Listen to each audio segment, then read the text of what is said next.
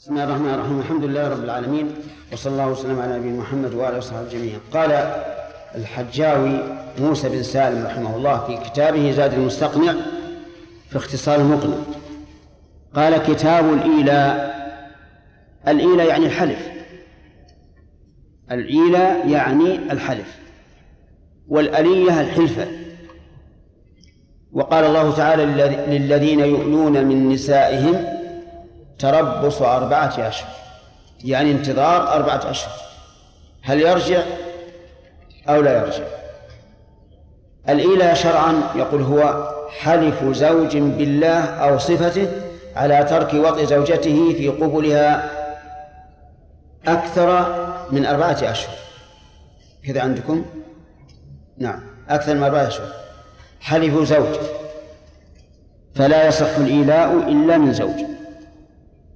فلو أن رجلا حلف أن لا يجامع هذه المرأة لمدة سنة ثم قدر الله أن تزوجها فهل يكون موليا؟ الجواب لا. كما أن الرجل لو قال لامرأة أنت علي كظهر أمي وهو لم يتزوجها ثم ثم تزوجها لم يكن مظاهرا لأنه ليس بزوج. دليل هذا قول الله تعالى للذين يؤلون من نسائهم ولا تكون المرأة من نسائه إلا إذا تزوجها. وقال الذين يظاهرون منكم من نسائهم ولا تكون المرأة المرأة من نسائه إلا إذا تزوجها. إذا طيب. بالله أو صفة من صفاته. بالله يعني بكل اسم من أسماء الله. سواء كان بهذا اللفظ الله أو بغيره. فإذا قال والعزيز الحكيم لا أطع لا أطع امرأتي لمدة سنة فهو مولي. وإذا قال والرحمن الرحيم لا أطع زوجتي لمدة سنة فهو مولي. أو صفة من صفاته مثل أن يقول ووجه الله لا أطع زوجتي لمدة أربعة أشهر. لمدة أكثر من أربعة أشهر فهو مولي أو قال وعزة الله وقدرة الله وما أشبه ذلك فهو مولي فصار الحلف بالله أو باسم من أسماء الله أو صفة من صفاته هذا هو الإيلاء. قال على ترك وطء زوجته. على ترك وطء زوجته. كلمة وطء تخرج المباشرة بغير وطء فلو قال والله لا أباشر زوجتي لمدة ستة أشهر ونيته المباشرة دون الفرج فليس بمولي إن لابد أن يحلف على ترك الوطن. وقول زوجته احترازا مما لو حلف على ترك وطء أمته فإن ذلك لا يسمى إيلاء. طيب إذا لم يسمى إيلاء فماذا نسميه؟ نسميه يمينا. لكننا لا نرتب عليه أحكام الإيلاء وإنما نرتب عليه أنه إذا حدث كفر قبولها هل نقول إن هذا قيد أو بيان للواقع؟ قيد لأنه قد يحلف على أن لا يطأها في دبرها فإذا حلف أن لا يطأها في دبرها لمدة سنة فليس بمولي لأنه إنما حلف على أمر واجب. فإنه يحرم على الإنسان أن يطأ زوجته في دبرها. أكثر من أربعة أشهر و وأربعة فما دون نعم ليس بمولي لأن الله تعالى جعل للمولي رخصة في خلال أربعة أشهر. فقال للذين يؤلون من نسائهم إيش؟ تربص أربعة أشهر. فإذا حلف أن لا يطأ زوجته لمدة أربعة أشهر فليس بمولي لكنه حالف فإذا وطأ كفر كفارة يمين. إلا أنه لا يثبت له حكم الإيلاء. لا نقول له نضرب لك مدة أربعة أشهر فإن فإن فئت ورجعت إلى زوجتك وإلا طلقنا عليك. ثم قال ويصح من كافر وقم ومميز وغضبان وسكران ومريض مرجو برؤه وممن لم يدخل بها. هذه مسائل متعددة. يصح من كافر فإذا حلف اليهودي أو النصراني على أن لا يطأ زوجته لمدة ستة أشهر وحاكمته إلينا حكمنا بأنه أشوف يا جماعة مولي. وله إما أن تطأ قبل أربعة أشهر وإلا طلقنا عليك. يصح أيضا من قن. من هو القن؟ العبد المملوك. فإذا صار بين العبد المملوك وزوجته مشكلة. والعبد يقولون إنه سريع الغضب. وقال لها والله ما أعطاك لمدة ستة أشهر.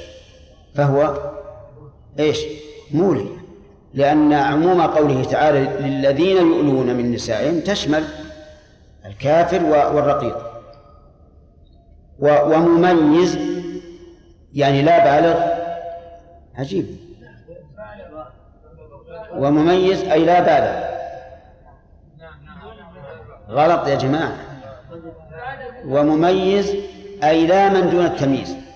أما البالغ فمن باب أولى لأن البالغ مميز وزيادة ولا إشكال فيه. الإشكال في في زوج له ثمان سنوات. نعم. وزوجته دقته يوم من الأيام. لأنه صغير.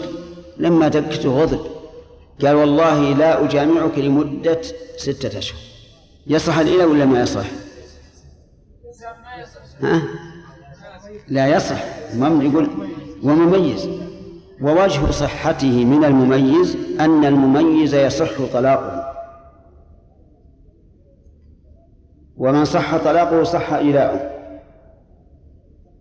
لأن الطلاق أشد من من الإيلاء. فإذا صح الطلاق من المميز صح منه الإيلاء. وقال بعض أهل العلم إن المميز لا يصح منه الإيلاء لأنه لا يصح منه الحلف إذ لا يمين له فهو غير مكلف. ولكن المشهور من من من من المذهب أنه يصح الإيلة من المميز كالحلف. وغضبان يعني يصح الإيلة من الغضبان. كيف من الغضبان؟ نعم كثيرا ما يقع. يتنازع هو وزوجته ثم يحلف أن لا يجامعها لمدة سنة. أو يقول والله ما أنام معك على فراش لمدة سنة. هذا غضبان. يصح منه الإيلة ولكن يجب أن نعلم أن الغضب ثلاثة أقسام. الغاية في الارتفاع والغاية في الدنو والوسط. الغاية في الدنو تترتب عليه الأحكام ولا خلاف في هذا. كرجل غضب غضبا يسيرا بكامل عقله وقواه أصدر فعلا أو قولا. فهذا قوله أو فعله معتبر. السبب لأنه هو وغير الغضبان سواء لأن غضبه يسير ويملك نفسه تماما فينفذ تنفذ أقواله وأفعاله. فلو أن الإنسان غضب مع زوجته غضبا يسيرا أي غضبا باردا وطلقها فإنه يقع طلاقه ولا إشكال. أو غضب ووقف شيئا من ملكه. أو أعتق أحدا من عبيده. لكنه غضب بارد يسير. فإن عمله ينفذ ولا إشكال في هذا.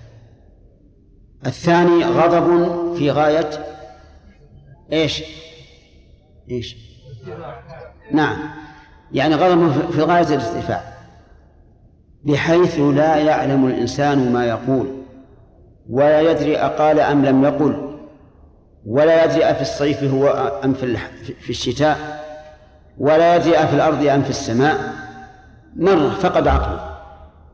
فهذا لا حكم لقوله ولا لفعله بالاتفاق. حتى الطلاق؟ نعم. حتى الطلاق حتى الإيلة حتى الظهار بل حتى الكفر. لا حكم لقوله إطلاقا. لماذا؟ لأنه فاقد العقل. لا يملك التصرف أبدا.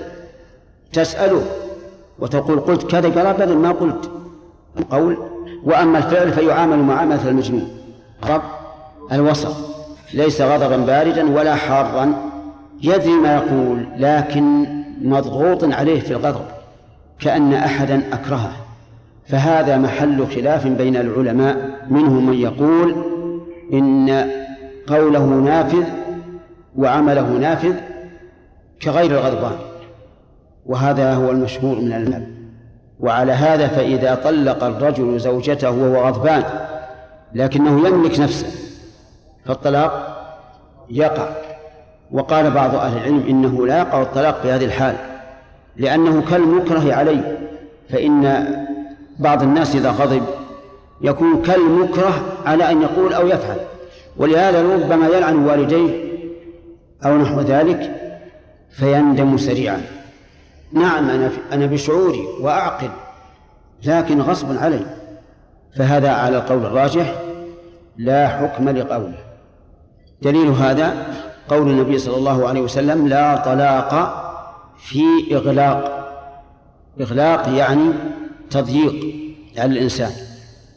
نرجع الآن إلى كلام المؤلف في الإيلة. يقول إنه يصح من الغضبان. وهل هذا على إطلاقه؟ الجواب لا. الغضب المنتهي اللي هو غاية الغضب لا يقع به الإيلة مطلقا على على كل قول. وقد حكى الاتفاق عليه ابن القيم في كتابه المعروف إغاثة اللهفان في عدم وقوع طلاق الغضبان قال هذا متفق عليه إذا كان الإنسان مغمى عليه. ما يدري ما يقول فهذا لا يقع طلاقه ولا إلاءه ولا ظهاره. طيب إذا كان في أول الغضب يقع أو لا يقع؟ في أول الغضب. يقع؟ نعم يقع. لأن هذا غضب بارد. لا يثير الإنسان. إذا كان وسطا بينهما ففيه خلاف على ما ذهب إليه المؤلف يقع. وعلى قول الراجح لا يقع. قال وسكران. السكران هو الذي شرب الخمر. والسكر التغطية. ومنه قول الناس سكر الباب. يعني سكه يعني أغلق. فالسكران هو ذهاب العقل على وجه اللذة والطرب. يعني الذي شرب المسكر. فهذا رجل شرب مسكرا. ومعلوم الإنسان إذا سكر صار بمنزلة المجانين تماما. فسكر الرجل وفي أثناء هذيانه قال والله لا أجامع زوجتي لمدة ستة أشهر. هل يقع الإيلاء أو لا يقع؟ المؤلف صرح بأنه يقع. صرح بأنه يقع والصحيح أنه لا يقع لأن السكران ليس عنده عقل هو بمنزلة المجانين. فكيف نمضي إيلاءه مع أن في الإيلاء ضررا على من؟ على الزوجة فالصحيح أن السكران لا يقع طلاقه ولا إيلاؤه ولا ظهاره.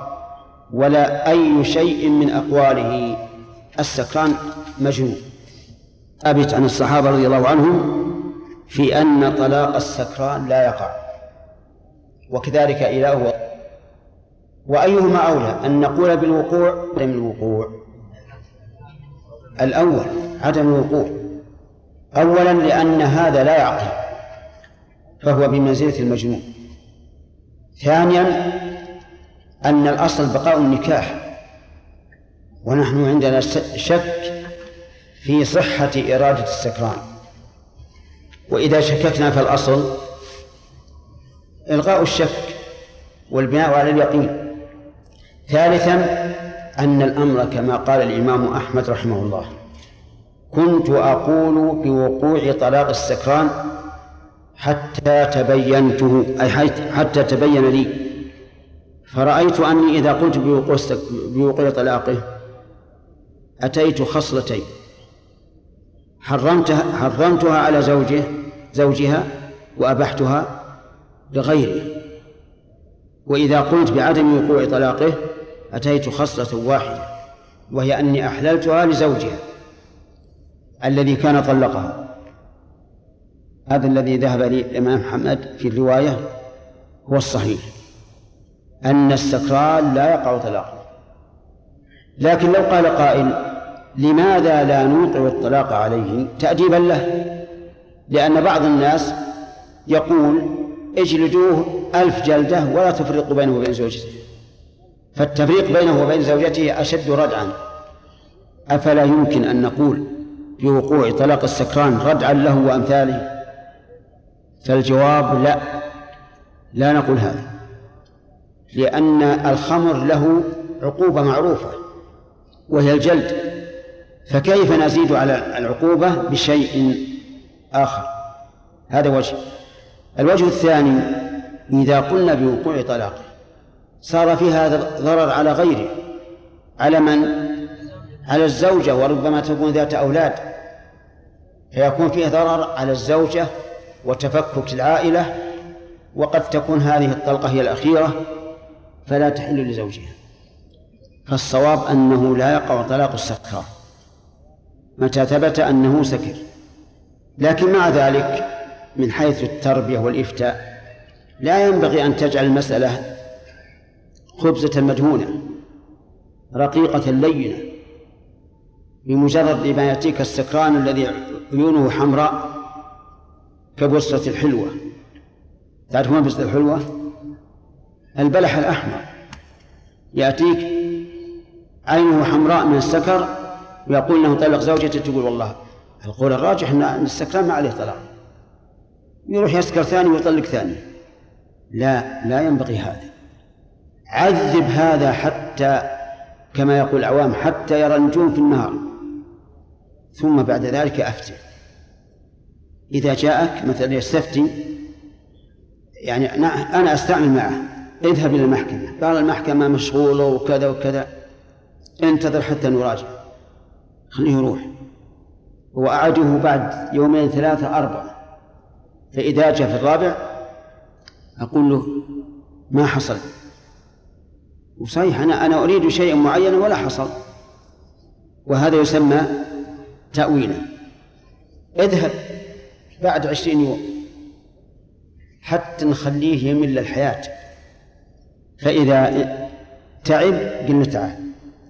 تعاهدنا أن لا تعود لشرب الخمر؟ إذا قال نعم أعاهد. حينئذ نفتيه بما نرى. أما من أراد أن يقلد المذهب فماذا يقول؟ نعم. يقول خلاص الزوجة طلقت فإن كانت هي هذه الثالثة حرمت عليك حتى تنكح زوجا غيره غيرك وإن كانت الثانية أو الأولى فراجع. إن كانت في العدة. طيب آه، قال ومن السكران ومريض مرجو برؤه. يصح أيضا إلى من مريض مرجو برؤه. كالزكام والصداع اليسير وما أشبه ذلك. لأن المريض الذي المرجو برؤه كالصحيح تماما في كل في كل تصرفاته.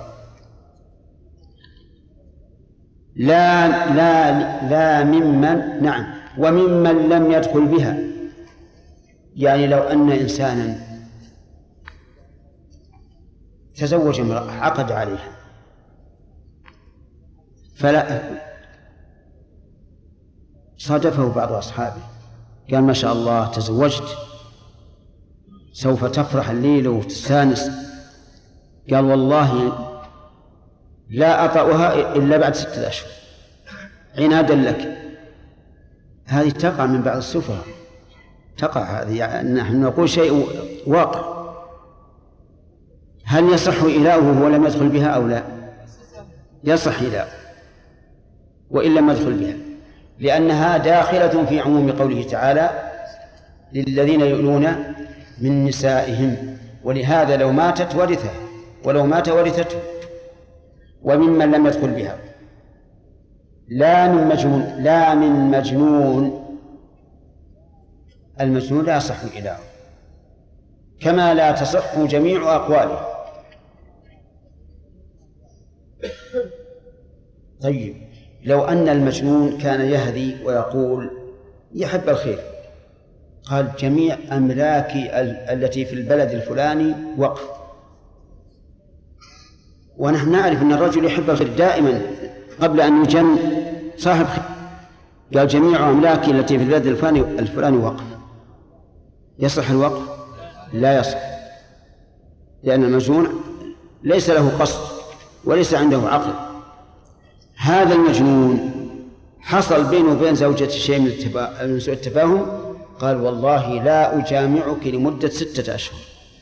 ماذا نقول؟ ينعقد الإيلة ولا ما ينعقد؟ لا ينعقد لأنه مجنون لا يصح منه حلف ولا إيلة ولا طلاق ولا غير ذلك من الأقوال. آه طيب. هل مثل هل المسحور مثل المجنون؟ الجواب نعم. المسحور نسأل الله العافية من جنس المجنون. فلو طلق لم يقع طلاق. ولو آل لم يصح إله. ولو ظاهر لم يصح ظهار. لأن المجنون مغلوب على عقله تماما ولا يستطيع أن يتخلص. لا من مجنون ومغمى عليه المغمى عليه يعني المغطى عقله بمرض أو سقطة أو ما أشبه ذلك. فلو أن الإنسان وهو مغمى عليه حلف أن لا يطأ زوجته لمدة سنة فلا إيلاء فلا إيلاء. بقية أقواله المغمى عليه. نافذة أو غير نافذة؟ غير نافذة يا أخواني هذا غير عاقل. مغمى عليه يهدي لا يدري ما يقول. ومثله ما يسميه العوام بالمهذري مهذري الذي بلغ من السن عتيا وصار يلخبط في كلامه. فلا فلا عبرة بكلامه. نعم. انتهى. متأكد؟ زيادة على تسعة ونصف؟ ما سمع سمعت هذا؟ سبحان الله. نعم. عندي واحدة عندك واحدة؟ الثاني. بس بارك الله فيه يا أما نشوف عن ساعة كل ساعة. كم ينتهي هذا؟ ينتهي تسعة ونصف وخمس الآن آه، هذا لا ساعة مقدمة الله. نعم. إيش؟ نعم. نعم. من إلهه من إله إلا إذا كان الدخول منها. فمن تسليمها نفسها. نعم. المسحور يا شيخ. طلق مثلا في حال يعني سحري. نعم. ما يقع طلاق. ما يقع. طيب إذا كان يأتيه السحر ثم يذهب عنه؟ في حال ذهابه عنه يقع. وفي حال وجوده نسأل الله لنا ولكم العافية لا يقع. لأنه مغلوب عليه. نعم.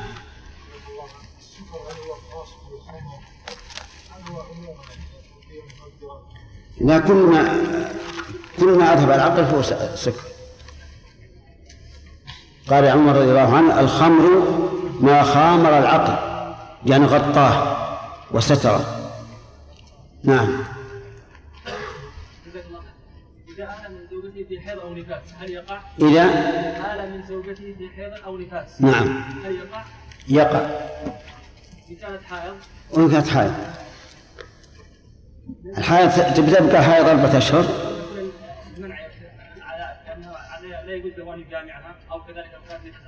هو هو إذا قال والله لا أجامعها في أيام الحيض هذا ما في إشكال. لكن إذا قال والله لا لا أجامعها لمدة ستة أشهر وهي الآن حائض. الحيض يبقى أيام ثم ينتهي. يقع. نعم. انتهى الوقت؟ ما في أسئلة. نعم. نعم. إذا كان معه عقل يقع ما أدري. إنما إذا العبرة بزوال العقل. نعم. إذا قتل السكران وش تقولون؟ المذهب يقتل لا, لا, لا أشكال في هذا. والقول الثاني إن سكر ليقتل قتل. وإلا فلا. وهذه تقع يكون الرجل والعياذ بالله بينه وبين شخص عداوة يعرف أنه إذا قتله عمدا وهو صاحي يقتل أو أنه إذا كان صاحيا لا يمكن أن تسمح له نفسه بالإقدام. فيذهب يشرب المسكر علشان يقتل صاحبه. هذا لا شك أنه يقتل. وأما إذا لم يكن بباله أن يقتل أحدا وسكر ثم مر به إنسان فقتله فإنه لا يقتل لأنه كالمجنون تماما والمجنون لا يمكن القصاص منه. نعم. ها؟ هل عليه دية؟ عليه دية معلوم. الدية ما تضيع. انتهى الوقت الآن. شم سم بالله. نعم. عادل. ما أطلعته؟ نعم. بسم الله والحمد لله والصلاة والسلام على رسول الله. قال رحمه الله تعالى في كتاب الإله لا من مجنون لا من لا من مجنون ومغمى عليه وعاجز عن وطء لجب كامل أو خلل. فإذا قال والله لا وطأتك أبدا أو عين مدة تزيد على أربعة أشهر أو حتى ينزل عيسى أو يخرج الدجال أو حتى تشرب الخمر أو أو تسقطي دينك أو تهبي مالك ونحوه فمولد. فإذا مضى أربعة أشهر من يمينه ولو قن ولو قنا فإن وطئ ولو بتغييب حشفة فقد فاء وإلا أمره وإلا أمره بالطلاق. فإن أبى فإن أبى طلق حاكم عليه فإن أبى طلق حاكم عليه واحدة أو ثلاثة أو فسخ وإن وطئ في الدبر أو دون الفرج فما فاء. وإن ادعى بقاء المدة أو أنه وطئها وهي سيب صدق مع يمينه وإن كانت بكرا أو ادعت البكارة وشهد بذلك امرأة عدل صدقت. وإن ترك وطئها إضرارا بها بلا يمين ولا عذر فكمول بسم الله الرحمن الرحيم. آه، ما هو الإيلاء شرعا؟ عبد الله.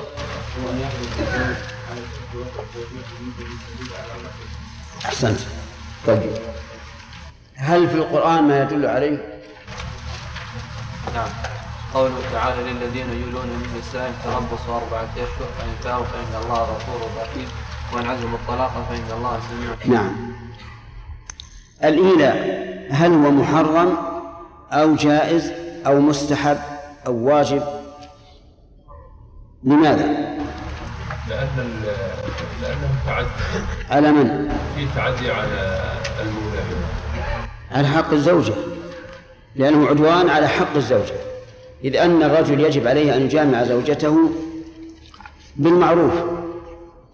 ولا يمكن أن يزيد على أكثر من أربعة أشهر هل يجوز الإيلاء تأديبا لأقل من أربعة أشهر؟ نعم. يجوز. الدليل للذين يولون من النساء. واللاتي تخافون نشوزهن؟ واللاتي تخافون نشوزهن فعظوهن واهجروهن في المضاجع. أحسنت. واهجروهن في المضاجع ولم يحدد. و و ولأن النبي صلى الله عليه وعلى آله وسلم آلى من نسائه شهرا كاملا. هل يصح الإيلاء من الغضبان؟ الغضب على ثلاثة نعم. كان آه، الغاية للارتفاع فإنه لا يأخذ بأقواله ولا أفعاله بالاتفاق وإن كان الغضب ذنوب فإنه يأخذ بأقواله وأفعاله. وإن كان الغضب بصر فاختلف أهل العلم على قولين. نعم. المذهب أنه آه، يؤخذ بأقواله وأفعاله نعم. والصحيح أنه آه، لا يؤخذ بأقواله وأفعاله طيب آه، إذا نقول الغضب إذا كان في قمة الغضب فلا عبرة بقوله ولا يكون موليا. وإذا كان في أدنى الغضب حركة يسيرة مع برودة النفس وقع الإيلاء. وإذا كان بين ذلك فللعلماء في هذا قولان والراجح أنه لا يقع. يقول مالك رحمه الله يقع من مريض مرجو برؤه. نعم يا سامي. يقع من مريض مرجو برؤه. والمريض غير مرجو البر. نعم. مفهوم كلام المؤلف أنه إيش؟ لا يقع. والحقيقة أن هذه عبارة موهمة وقد سألني بعض الطلبة أمس عنها. المريض المراد بالمريض هنا العاجز عن الوطن. العاجز عن الوطن. وليس المريض مرض البدن لأن المريض مرض البدن يصح منه الإيلة سواء كان يرجى بره أو لا يرجى. لكن المراد العجز المريض أي العاجز عن الجماع. هذا إن كان يرجى برؤه فإن إيلاءه صحيح. وإن كان لا يرجى فإيلاؤه غير صحيح لأنه لا يمكنه الوطن. فمثلا إذا كان الرجل مجبوبا أي مقطوع الذكر فهو عاجز عن عن الوطن. فهل يصح الإيلاء منه أو لا يصح؟ لا يصح لأنه ليس بواطن لأنه لن يطأ سواء آل أم لم يولد وإذا كان الرجل عاجزا على الوطي لحادث ألم بآلة الوطي لكنه يرجى أن يشفى والآن يعالج ويرجى أن يشفى يصح أو لا يصح؟ يصح. إذا كلام المؤلف رحمه الله فيه إيهام. وقد تبع تبع في هذه العبارة أصله أي أصل هذا الكتاب وهو المقنع. والصواب أن تكون العبارة وعاجز عن الوطء عجزا يرجى برؤه. طيب هل يصح الإيلاء من من مغمى عليه؟ أحمد. ليش؟ لأنه لا يعقل. نعم.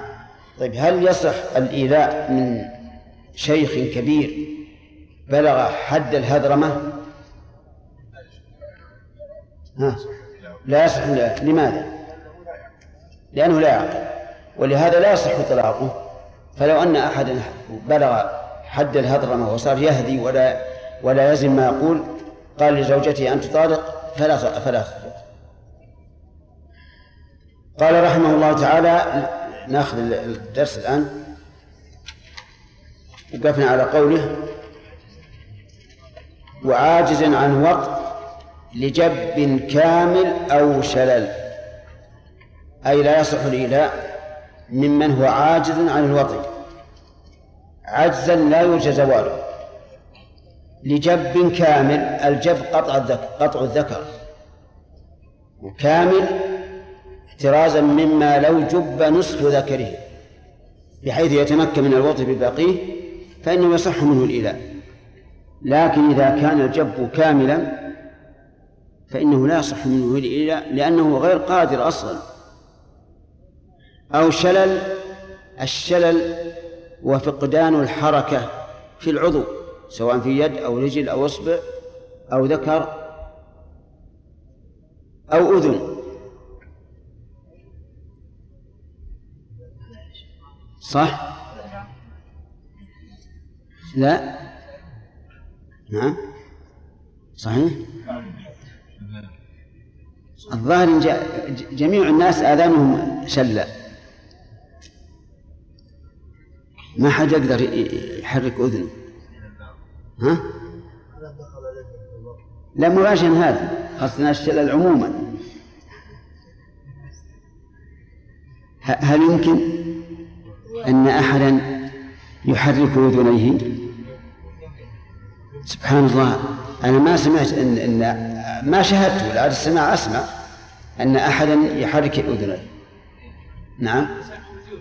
ها؟ صحيح؟ يحرك كذا؟ يحرك هذه من أعلى إلى أسفل. بيده. لا لا. يعني بدون يده. عجيب. ويتحدى الغير يعني بذلك أن يفعلوا مثل ما يفعل. يعني الشحمة هذه تلقى فوق؟ كل الأذن يحركها إلى أعلى وأسفل. آه. هذه ما هي ما هي مربوطة جيد ما ربطت جيدا آه. يعني معناها تروح فوق وتنكس؟ ولا تتحرك في مكانها يعني يطلعها إلى فوق وينزلها للأسفل. لا إله إلا الله. عجيب هذا بعد أغرب وأغرب. ولهذا لو قطع أذنا شلا فعليه نصف الدية ولو قطع يدا شلا فعليه حكومة. لأن ما في اليد الشلة ما فيها منفعة. فهمتم؟ يعني العلماء في في في باب الديات اعتبروا هذا. قالوا الأذن الشلة ليس فيها دية. دية نعم فيها دية كاملة قصد واليد الشلة ليس فيها دية ولكن فيها حكومة. طيب نعم لجب كامل أو شلل؟ شلل العضو بحيث يفقد حركته. ثم ضرب أمثلة. قال فإذا قال والله لا وطئتك أبدا في فيها إشكال من حيث التركيب. والله لا لا وطئتك معناها والله لا أطأك. وهنا عبر بالماضي لا وطئتك. قال أهل النحو إن الماضي في باب الأيمان بمعنى المستقبل. فمعنى والله لا وطئتك والله لا أطأك لأنها وقعت في جواب في, في جواب القسم. أبدا. كذا قال والله لا أطأك أبدا. فهو مولي. لأن أبدا تزيد على على أربعة أشهر. وكذلك لو قال والله لا أطأك ولو لم يقل أبدا فهو مولي. الثاني يقول أو عين مدة تزيد على أربعة أشهر. قال والله لا أطأك حتى يأتي رمضان. ونحن الآن في ربيع الأول. المدة الآن تزيد على أربعة أشهر. فهو مولي. أو قال لها والله لا أطأك لمدة خمسين يوما. تزيد أقل من أربعة أشهر إذن هو غير مولي. لابد أن تزيد المدة على أربعة أشهر أو قال لا أطأك حتى ينزل عيسى. فهو مولي. فإذا قال الإنسان حتى ينزل عيسى ربما ينزل قبل أربع قبل أربعة أشهر فالجواب هذا احتمال لا شك. ولكنه بعيد. فيؤخذ بما يغلب على الظن. فإذا أمسكنا الرجل الذي قال لزوجته والله لا أطعها حتى ينزل عيسى قلنا تعال أنت الآن مولي قال أبدا ما عليك. أنا لم أذكر مدة تزيد على أربعة أشهر. ذكرت حتى ينزل عيسى ولا وما ندري ربما ينزل الليلة. ماذا نقول له؟ نقول نأخذ بالأمر الغالب على الظن. فإنه يغلب على ظننا أن عيسى لن ينزل قبل أربعة أشهر. أو يخرج الدجال أيضا. والدجال قال قبل نزول عيسى. قال والله لا أعطاك حتى يخرج الدجال. فنقول هو مولي. أو حتى تشرب الخمر. هذا غير مستحيل. حسا ولكنه مستحيل شرعا. فإذا قال لها والله لا أطعك حتى تشرب الخمر فهو مولي. وإذا قال إنما أردت منها حثها على أن تشرب الخمر قلنا وهذا أخبث فأنت مولي لأنها هي لن تشرب الخمر لا بعد أربعة أشهر ولا ما وراءها. أو قال حتى أو تسقطي دينك. والله قال لها والله لا أطعك حتى تسقطي دينك. فهو إيش؟ مولي. لأن إسقاط دينها ليس بواجب عليها. طيب ولا فرق بين أن يقول حتى تسقطي دينك عني أو يقول حتى تسقطي دينك عن فلان. لا فرق. لأنه لا يلزم الزوجة أن تسقط دينها على زوجها. أو حتى تسقط دينك أو تهبي مالك مالك. قال لها والله لا أطوها حتى تعطي فلانا مئة ريال. فإنه مولي. لأنه لا يلزمها أن تعطيه. طيب. في هذه الحال لو أعطته لو لو وهبت مالها أو أسقطت دينه يلزمه أن أن يطأ نعم يلزمه أن يطأ لأن لأنه علقه على فعل شيء حصل. قال فمو نعم ونحو ونحوه. مثل أن يقول والله لا أطأها حتى تعطي ولدها فلانا ليحضنه. فهذا مولي لا شك. لأنه لا يلزمها أن تعطيه ولأنه ضرر عليها. والخلاصة أنه إذا أطلق أو أبد أو علق بشيء لا يمكن شرعا أو لا يمكن حسا فإنه يكون موليا. طيب إذا كان موليا أي حالفا فبماذا نعامله؟ نمهله إذا طالبت زوجته نمهله أربعة أشهر من حين اليمين لا من حين المطالبة. ولهذا قال فإذا مضى أربعة أشهر من يمينه لا من مطالبتها.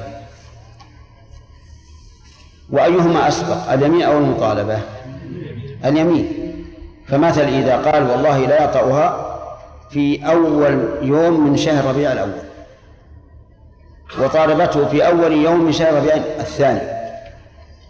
كم بقى عليه؟ ثلاثة أشهر. فالمدة تبدأ من اليمين لا من المحاكمة. فإذا مضى أربعة أشهر من يمينه ولو قنا لو هذه إشارة خلاف لأن بعض العلماء يقول إن القن يجعل له نصف المدة نصف المدة كما أن القنة عدتها نصف العدة. الصواب أن القن والحر واحد. قلنا نعم ولو قلنا فإن وطئ وإلا فإن وطئ ولو بتغييب حشفة فقد فاء.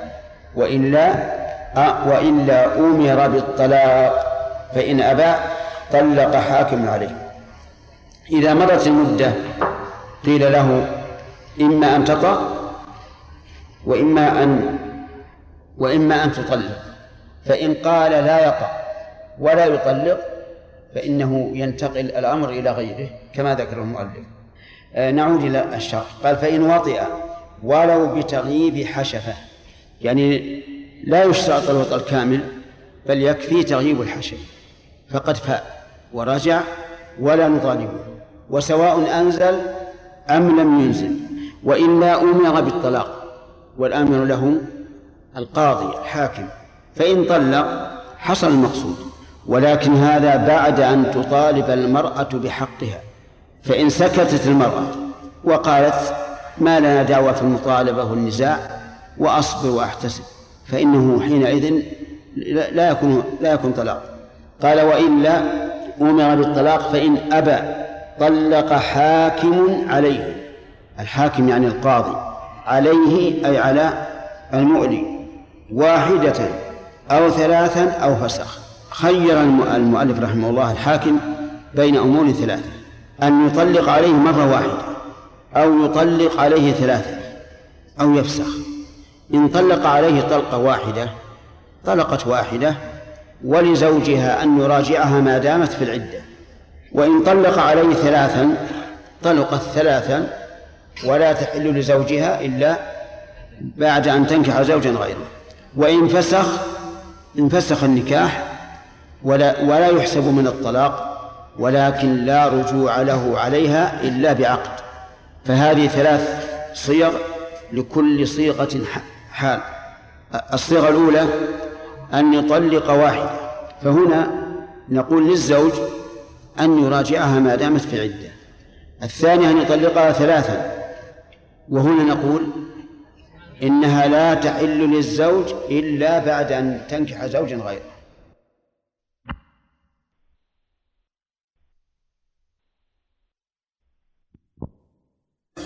فهنا تبين منه ولا تحل له إلا بعقد ولو في العدة. وهذه حال وسط بين الصيغة الأولى والصيغة الثانية. كلام المؤلف يقول طلق واحدة أو ثلاثة أو فسخ. أو هنا للتخيير. فيخير الحاكم بين أن يطلق واحدة أو يطلق ثلاثا أو يفسخ. أيهما يختار؟ يجب عليه أن يختار الأصلح. وأيهما أصلح؟ الفسخ أو الطلاق واحدة؟ الفسخ الطلاق واحدة. كيف؟ طيب ما يخالف كيف؟ وش اللي ناسب نقول أما إذا كانت الطلقة هذه هي الأخيرة فالطلقة الواحدة كالثلاث لا فرق. وحينئذ نقول اعدل عن الطلاق إلى إلى الفسخ لأن هذا أهون. فإنك إذا فسخت امتنع رجوع الزوج عليها إلا بعقد ودعه يكون عنده شيء من الحرية أن أن أن يعيدها إلى عصمته بعقد. وإذا كان هذه الطلقة الأولى فالطلاق الثلاث لا حاجة يعني لا منفعة لها فيه. وحينئذ يبقى الطلاق أو الفسخ أيهما أحسن؟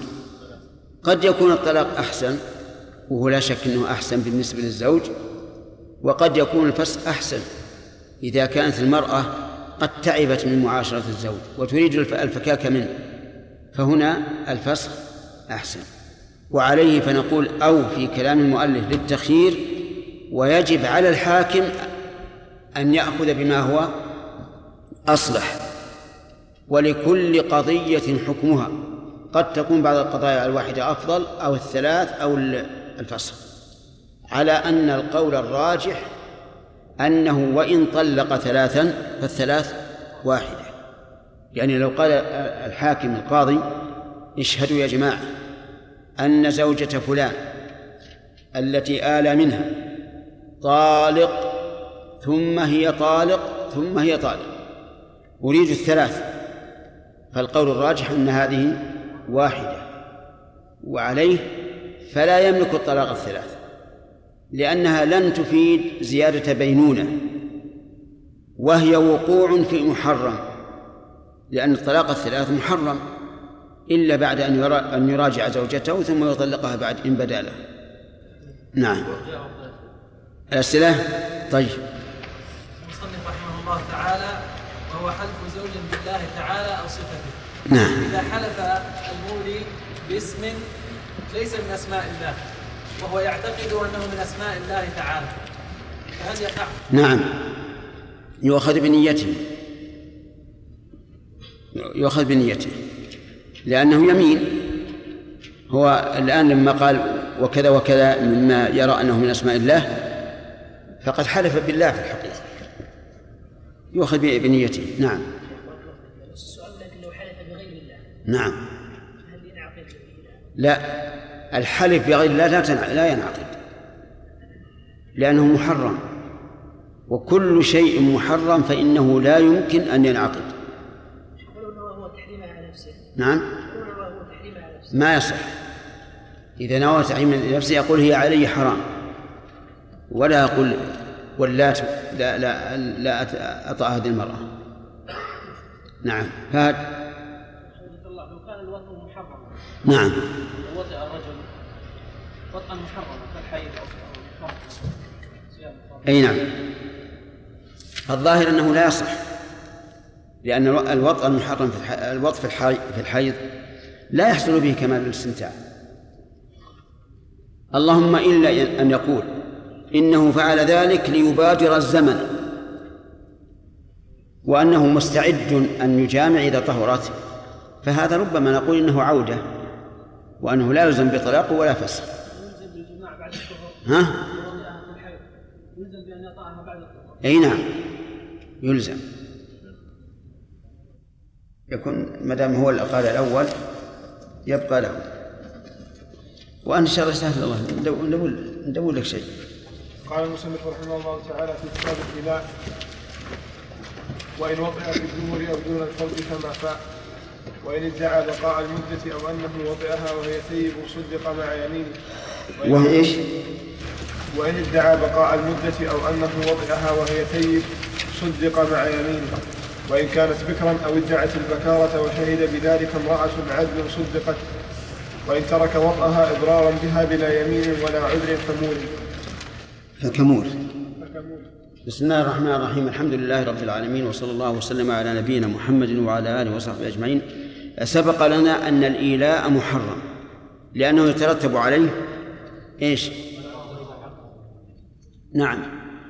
منع المرأة من حقها. فالمرأة لها حق في الجماع فإذا حلف أن لا يفعل فقد ظلمها.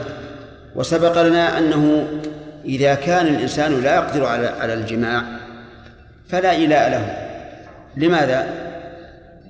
لأنه لن يجامع سواء حلف أم لم يحلف كرجل مجبوب أو أشل وسبق لنا أنه يضرب للموري أربعة أشهر من من يمينه لا من الترافع إلى القاضي فلو فرض أن المرأة رافعت زوجها بعد المضي شهر فقد بقي من مدة الإيلاء ثلاثة أشهر. فيضرب له بقية المدة وينظر فيما بعد. وسبق لنا أنه إذا تمت المدة ولم يعد فإنه يؤمر بالطلاق. لقوله تعالى فإن عزموا الطلاق فإن الله وإن عزموا الطلاق فإن الله سميع عليم. فإن أبى أن يطلق تولى ذلك القاضي فيطلق عليه ويقول إني طلقت امرأة فلان لعدم فيئه في, في إيلائه. طيب هل له أن يفسخ دون طلاق؟ يقول المؤلف له ذلك له أن يفسخ. وفي الآية الكريمة ليس إلا الرجوع أو الطلاق لكن لما كان الحاكم له النظر في أمور الناس صار له أن يفسخ. وهل يطلق مرة أو ثلاثا؟ الصواب أنه لا يجوز أن يطلق ثلاثا. لأنه لا حاجة لذلك. على أن القول الراجح أنه لا يمكن الطلاق الثلاث. إذ لا تقع الطلقة الثانية إلا بعد إلا بعد الرجوع إما بعقد أو أو أو أو بمراجعة. ثم ذكر المؤلف رحمه الله الأشياء التي لا يحصل بها الفيئة فقال وإن وطئ في الدبر أو دون الفرج كأن يطأ بين الفخذين فما فاء. قوله إن وطئ في الدبر المؤلف رحمه الله يحكي أمرا واقعا وليس يحكم بهذا وذلك لأن وطأ الدبر حرام لا يحل للرجل أن يطأ زوجته في دبرها. فإن فعل وداوم عليه وجب أن يفرق بينه وبين زوجته لأنه أصر على أمر محرم. لكن المؤلف إنما يريد أن أن يبين الواقع بقطع النظر عن كونه حلالا أو حراما وقول أو دون الفرج فإنه لا لا يكون يكون قد فاء. والوطء دون الفرج جائز. لا لا بأس به. قالت عائشة رضي الله عنها تصف حالها في حال الحيض كان النبي صلى الله عليه وسلم يأمرني فأتزر فيباشرني وأنا حائض. ولما سئل ماذا يحل للرجل من امرأة وهي حائض قال اصنعوا كل شيء إلا النكاح. فالوطء دون الفرج لا بأس به والوطء في الدبر حرام حتى إنه يسمى اللوطية الصغرى. وإن ادعى بقاء المدة أو أنه وطئها إن ادعى بقاء المدة والمرأة تقول انتهت المدة. لماذا تقول انتهت المدة؟ لتتمكن من طلب الفراق. وهو يقول المدة لم تتم. باقي عليها يومان أو عشرة أو أكثر. فالقول قوله القول قول الرجل. لأن الأصل إيش؟ الأصل بقاء المدة.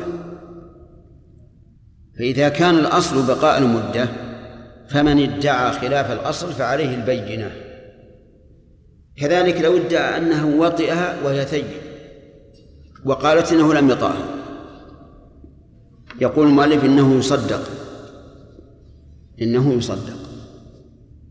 فإن قال قائل كيف يصدق والأصل عدم الوطء قلنا لأن هذا يغلبه الظاهر لأن الظاهر من حال الزوج أنه يجامع زوجته ولكن مع هذا يقول صدق مع يمينه يعني لابد أن يحلف فإن لم يحلف حكم عليه بالنكول ورد قوله. الخلاصة إذا ادعى أنه جامعه وهي ثيب فالقول قوله لكن مع يمينه. فلو قال قائل لماذا لا تجعلون القول قولها؟ قلنا لأن الأمر هنا متعذر أن نقبل قولها لأنها ثيب والثيب إذا جمعها زوجها لا يؤثر شيئا. فهو يقول إنه جامعها وهي تقول لم يجامعها من عنده مات في الفراش؟ اجيبه لا أحد. اذا كيف يمكن أن نصل إلى غاية؟ فنقول يمكن أن نصل بأن نقول للزوج احلف أنك جامعتها وإذا حلفت بأنك جامعتها انفك الإيلاء واستمر معها بالعشرة بالمعروف. فإن أبى أن يحلف قلنا إذن أنت لم ترجع وإذا لم ترجع حكمنا عليك إما بالطلاق أن تطلق وإلا طلقنا عليك يقوله القاضي. وإن كانت بكرا أو ادعت البكارة وشهد بذلك امرأة عدل صدقت.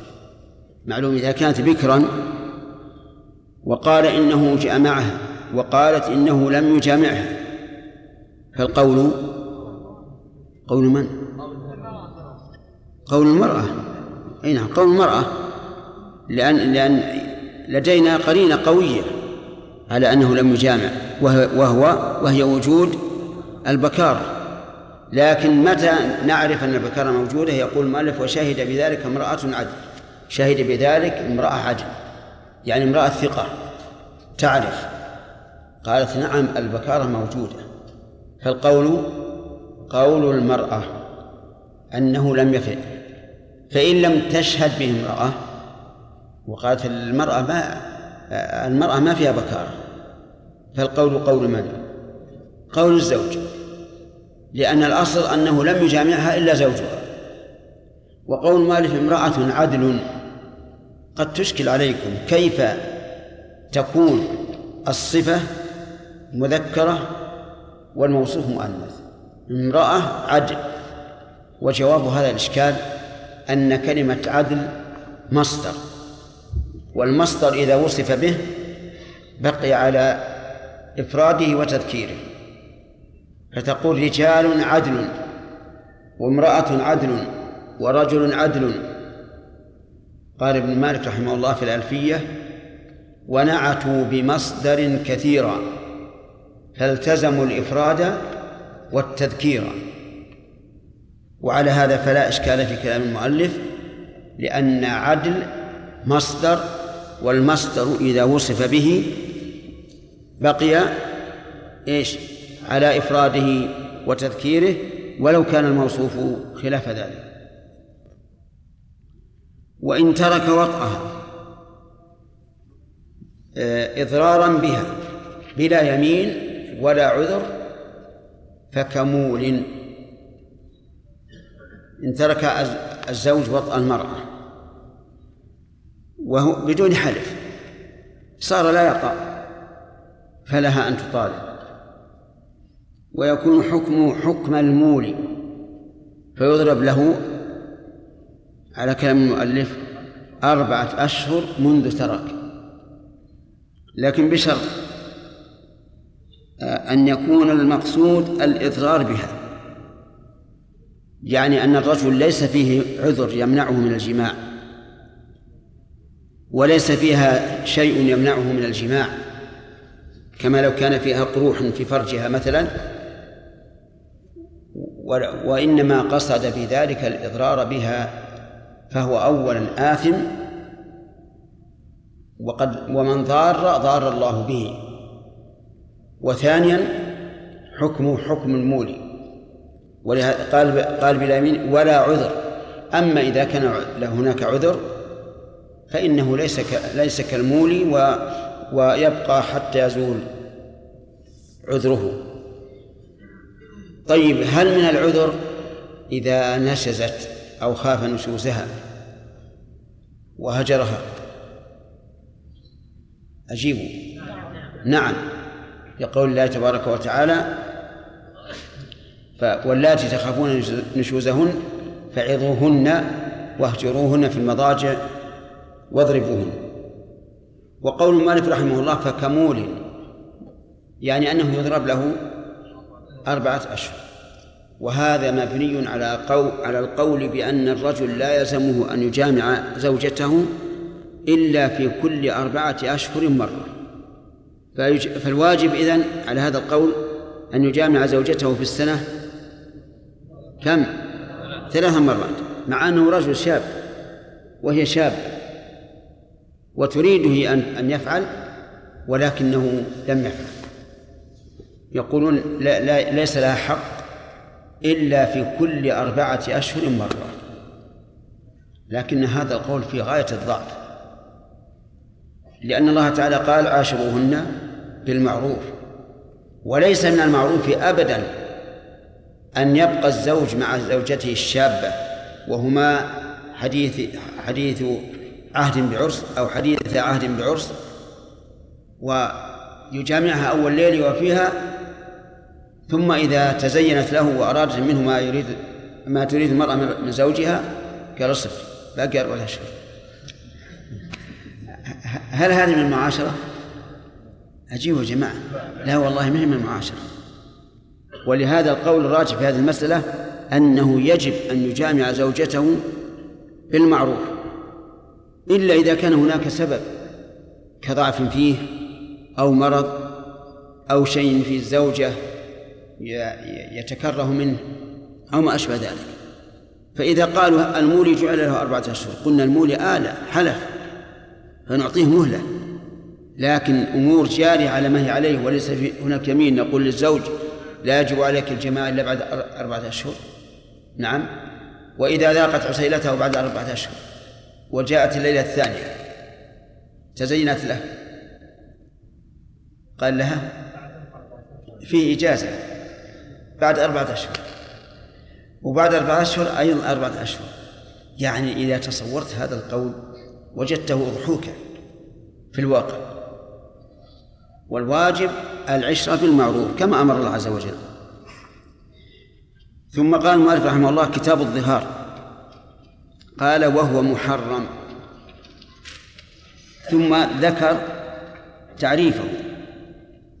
الظهار تعريفه أن يشبه الرجل امرأته بمن تحرم عليه تحريما مؤبدا. هذا تعريف أن يشبه الرجل زوجته بمن تحرم عليه تحريما مؤبدا. فهمت التعريف؟ طيب. إذا قال لها أنت كأمي فهو ظهار. أنت أنت كابنة عمي. ليش؟ يا إخوان الله يهديكم. اللهم اهديهم بنت عمه الآن حرام عليه. مؤقت؟ غلط. ما هي ولا ولا مؤقتا. هي حلال له. طيب أنت علي كأختك. نعم. ظهار. خطأ. لأن أختها ليست حراما عليه لا كأختك. السؤال اللي أنا قلتكم أنت علي كأختك. ظهار ولا غير ظهار؟ ليس ظهار. لأن أختها غير حرام عليه المحرم أن يجمع بينها وبينها. أما أختها فليس حرام لو ماتت الأخت هذه أو طلقت طلاقا بائنا بينها كبرى حلت. طيب أنت علي كالذئب. نعم. ليش؟ لماذا؟ نعم ليست ليس الذئب ليس مما يباح ابدا. أصلا ليس من جنس الإنسان. والله يقول والله جعل لكم من انفسكم ازواجا لتسكنوا إليها من أنفسكم والذئب ليس من أنفسنا. طيب أن يح- أن يشبه زوجته بمن؟ أي بامرأة تحرم عليه تحريما مؤبدا. وأصله أي أصل الظهار من قولهم في صيغته أنت علي كظهر أمي. هذه الصيغة عند العرب. أنت علي علي كظهر أمي. فلذلك سمي إيش؟ ظهارا. طيب. إذا قال أنت علي كأمي في المودة والاحترام والتبجيل. نعم.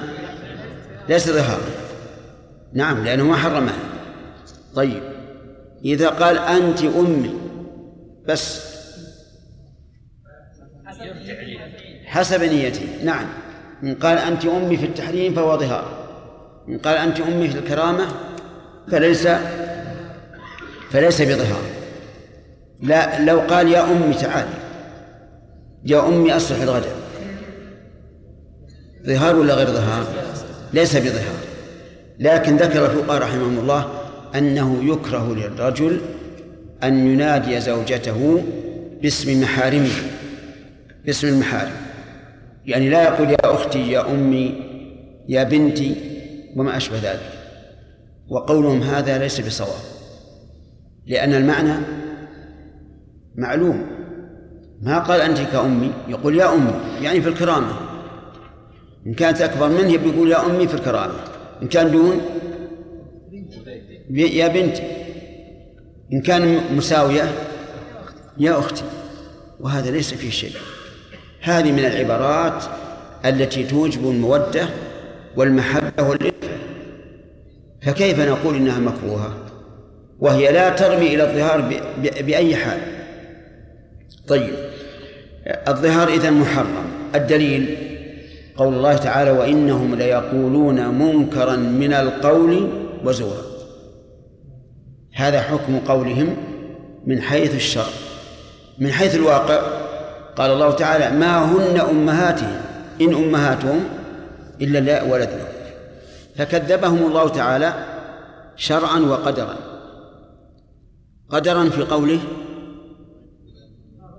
ما هن أمهاتهم إن أمهاتهم إلا لا ولدنا شرعا وإنهم لا يقولون منكرا من القول وزورا. ليست هي كأمه ولا كظهر أمه بل بل ظهر أمه أشد ما يكون تحريما عليه وظهر زوجته أبلغ ما يكون حلا له. فقوله هذا منكر وكذب. فصار الظهار محرم بالقرآن. الكريم صريحا. فهل من فعله يكون آثما؟ عجيب. نعم ما في أشكال. طيب يقول وهو محرم ثم قال فمن شبه زوجته أو بعضها ببعض أو بكل من تحرم عليه أبدا بنسب أو رضاء من ظهر أو بطن أو عضو آخر لا ينفصل بقوله. كلام متداخل بعضه من بعض. يحتاج إلى فك. نعم. شيخ انتهى الوقت. ينتهي على كم؟ ها؟ ما سمعت ال- أنتم سمعتم هذه؟ سمع كل الساعة يا شيخ لا باقي دقيقتين. طيب. يعني الأسئلة؟ الأسئلة بعد ما تعلن الساعة. لأن ما له ضابط إلا بإعلان الساعة. طيب. فمن شبه زوجته بمن تحرم عليه قال أنت كأمي أو أنت كظهر أمي. فهو ظهار. أو بعضها بمن تحرم عليه قال يدك علي كأمي. فهو ظهار. أو قال أو شبهها ببعض من تحرم عليه بأن قال أنت علي كيد أمي. فهو ظهار. أو قال يدك كيد أمي فهو ظهار لأن يد زوجته يمكن أن يمسها بشهوة ولا يمكن أن يمس يد أم يد أمه بشهوة فكيف يشبه أحرم ما يكون بأحل ما يكون أحل ما يكون بأحرم ما يكون؟ طيب إذن الظهار يكون بالكل والكل وبالكل والبعض. وبالبعض والبعض وبالبعض والكل. كم الصور؟ أربعة. أنت علي كأمي. هذا إيش؟ كل بكل. يدك كيد أمي. بعض ببعض. أنت كيد أمي. كل ببعض. يدك كأمي. بعض بكل. كل هذه الصور يكون فيها مظاهر. لكن بشروط تأتي إن شاء الله. نعم. أشكل علي صنيع المؤلف رحمه الله تعالى ففي كتاب الإيلاء تقرر معنا أنه حرام. وجرى صنيعه رحمه الله تعالى إذا كان الباب من الأبواب المحرمة أو الكتاب قدم الحكم مثل ما هو معنا في الظهار فقال وهو محرم. وإذا كان مباح قال هو مباح. بينما الإيلاء لم يذكر له الحكم الشرعي الذي تقرر معنا. نعم. فعلى أي شيء صنيع هذا؟ من المصنف؟ الحجاوي بشر أو غير بشر؟ البشر يغفل وينسى ويتأول ويجتهد ويخطئ ويصيب. ولهذا كون لم يذكر أن الإله محرم يعتبر قصورا. لكنه ذكر أن الظهار محرم لأن لأن تحريمه واضح في القرآن الكريم وإنكا وإنكاره شديد. وإنهم ليقولون منكرا من القول وزورا فلهذا صرح بالتحريم نعم الفقهاء يستدلون بكراهة ناداة الرجل لزوجته بكراهة إيش؟ بكراهة ناداة الرجل لزوجته يا أختي في حديث رجل قال لامرأته يا أختي قال النبي صلى الله عليه وسلم هي أختك قالوا كان النبي صلى الله عليه وسلم كره هذا أين الحديث؟ أين الحديث؟ أي هو رجل قال لكن أين سنده؟ نعطيك مهلة لك من يوم إلى ألف يوم وحرره لنا نعم أحسن الله عليك يا شيخ إذا ظهر الرجل من زوجته ولم يكفر هل تضرب له آه، مدة الإناء؟ هو ما سبق لنا في الإيلاء من ترك وطأها إضرارا بها بلا عذر ولا يمين هكمولي نعم. وإن ها؟ نعم.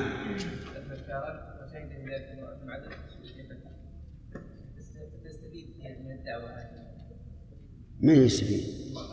أي تستفيد أنه لم يجامعها لأن, لأن هذا المولي ادعى أنه جامعها وإذا ادعى وإذا ثبت أنه جامعها انتهى الإيلاء فلا يطالب بال- بالرجعة أو أو أو الطلاق. واضح؟ نعم. هل يعتبر الظهار من كبائر الذنوب؟ أو الصغائر؟ لا لا أعلم أن أن أنه من كبائر الذنوب. لكن لا شك أن الله قبحه شديدا.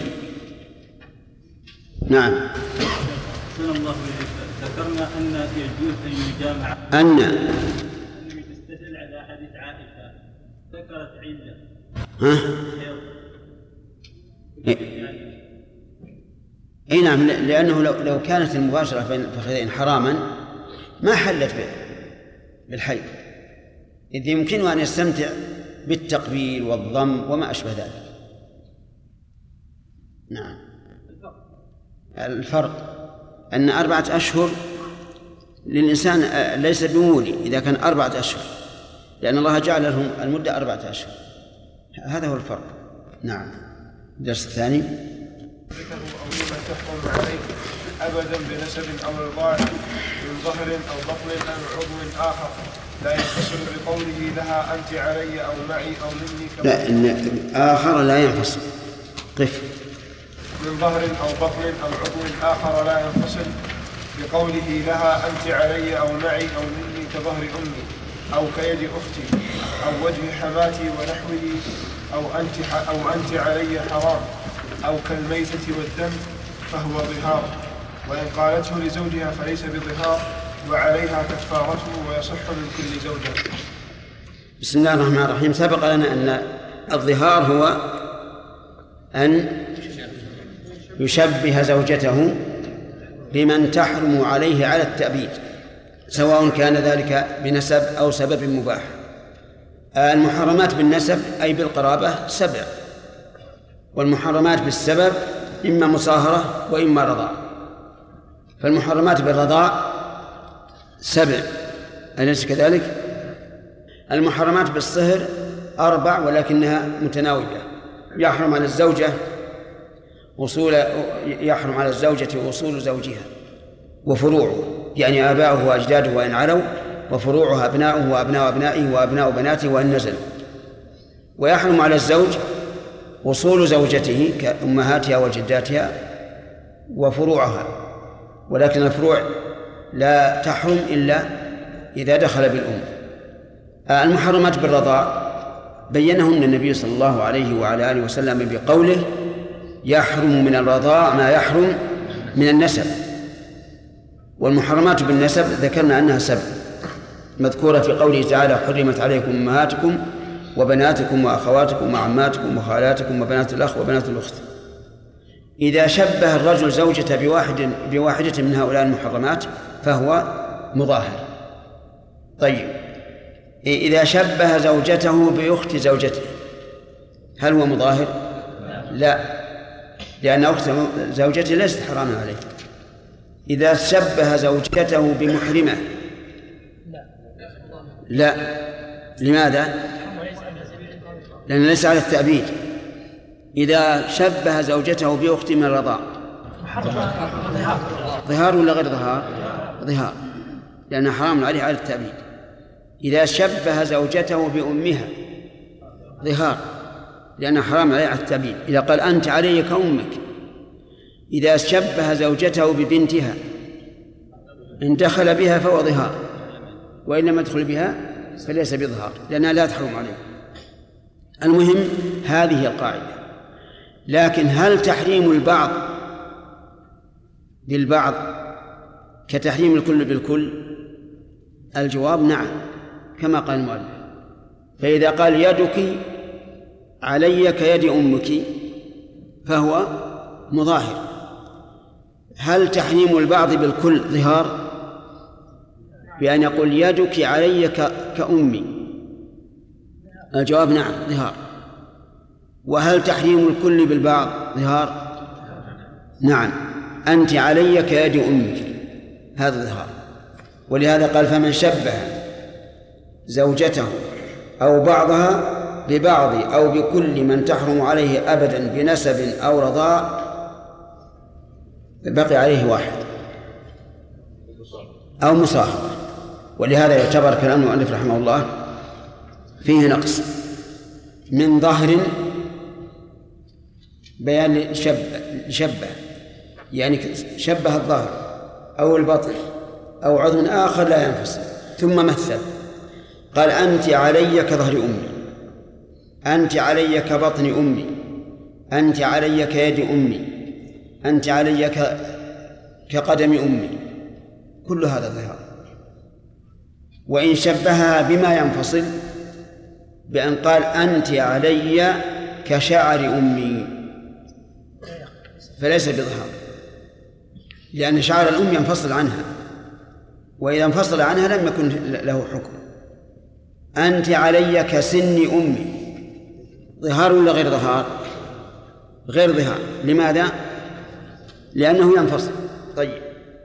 أنت علي كظهر أمي. ليس ظهارا لأنه ينفصل. طيب. بقوله لها أنت علي يعني كظهر أمي. أو معي يعني كظهر أمي.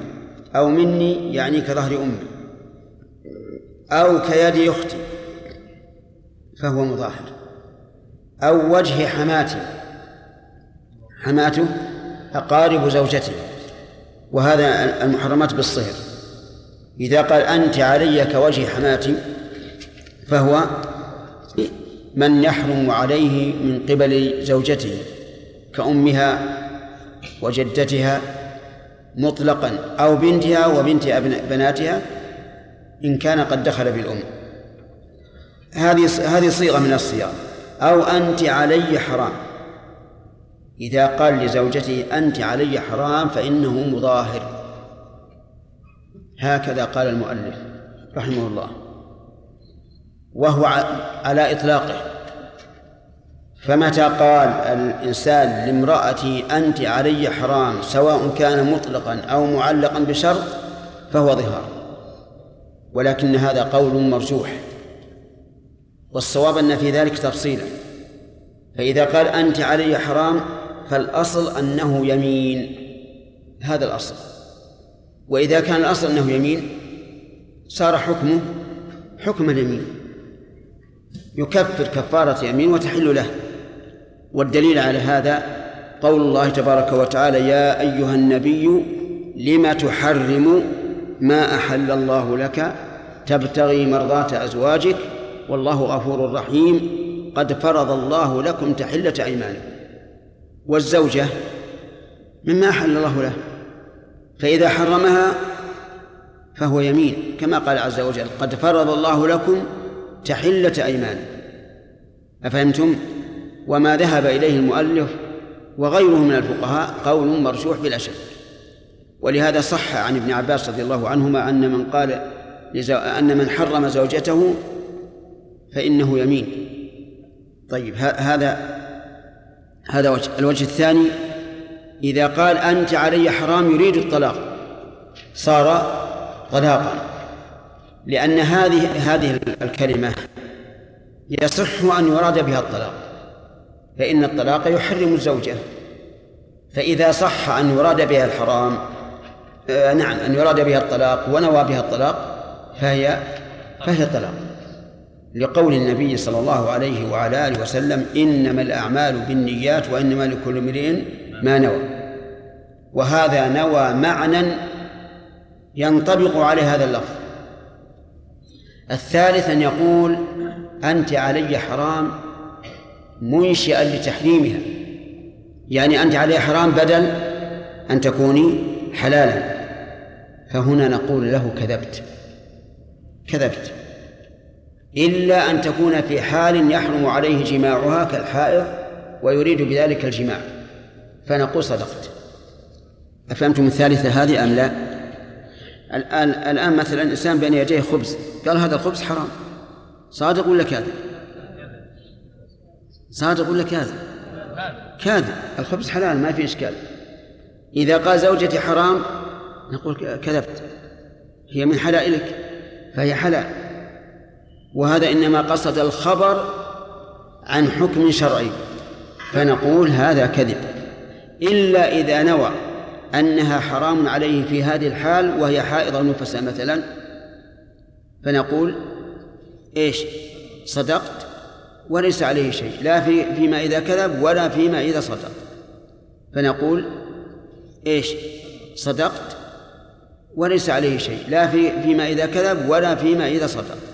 فصارت الأقسام ثلاثة. الأول أن يقول أنت علي حرام ويطلق. فهذه إيش؟ يمين. فهذه يمين وعليه كفارة يمين إن استحلها والدليل قوله تعالى يا أيها النبي إذا نعم. لما تحرم ما أحل الله لك إلى آخره فجعل الله التحريم يمينا. الثاني أن ينوي بذلك الطلاق. فتطلق. دليل ذلك أن هذا اللفظ صالح أن يراد به الطلاق لأن الطلاق يحرم المرأة فإذا نوى به الطلاق نعم أجيبوا جماعة. وقع الطلاق لقوله صلى الله عليه وعلى آله وسلم إنما الأعمال بالنيات وإنما لكل امرئ ما نوى. الثالث أن ينوي الحكم بالتحريم لزوجته. فماذا نقول؟ نقول هو كاذب. الزوجة حلال كما قال عز وجل وحلائل أبنائكم الذين من أصلابكم إلا إذا كانت في حال تحرم عليه. مثل أن تكون حائضا أو نفساء أو محرمة بحج أو عمرة فهنا نقول هو صادق. هذا القسم الثالث ليس فيه كفارة لأنه إما كاذب إيش؟ وإما صادق فلا حنث فيه. هذا هو القول الراجح في هذه المسألة. وأدلته كما سمعتم قال أو آه أنت عليه حرام؟ أو كالميتة والدم. إذا قال كالميتة فهو مظاهر. لكن لو قال كالميتة أريد بذلك ميتة السمك يكون مظاهر أو غير مظاهر؟ ليه؟ لأن ميتة السمك حلال. لكن عند الإطلاق إذا قيل ميتة فإنما يراد بذلك الميتة المحرمة. متى يطرأ على بال الإنسان أن المراد ميتة السمك؟ لكن لو قال أنا أريد ميتة السمك فاللفظ يحتمل فيصدق. ثم إنه قد يكون هناك قرينة تمنع دعواه أنه أراد ميتة السمك وذلك فيما إذا كان في مغاضبة بينه وبين الزوجة قال أنت علي مثل الميتة وهو يعني غضبان عليها ثم قال أردت ميتة السمك. فهنا القرينة تكذبها وتصدق. تكذبه. يقال هذا بعيد. أنت مغاضب لزوجتك فقلت إنها كالميتة من كراهتك لها. الدم.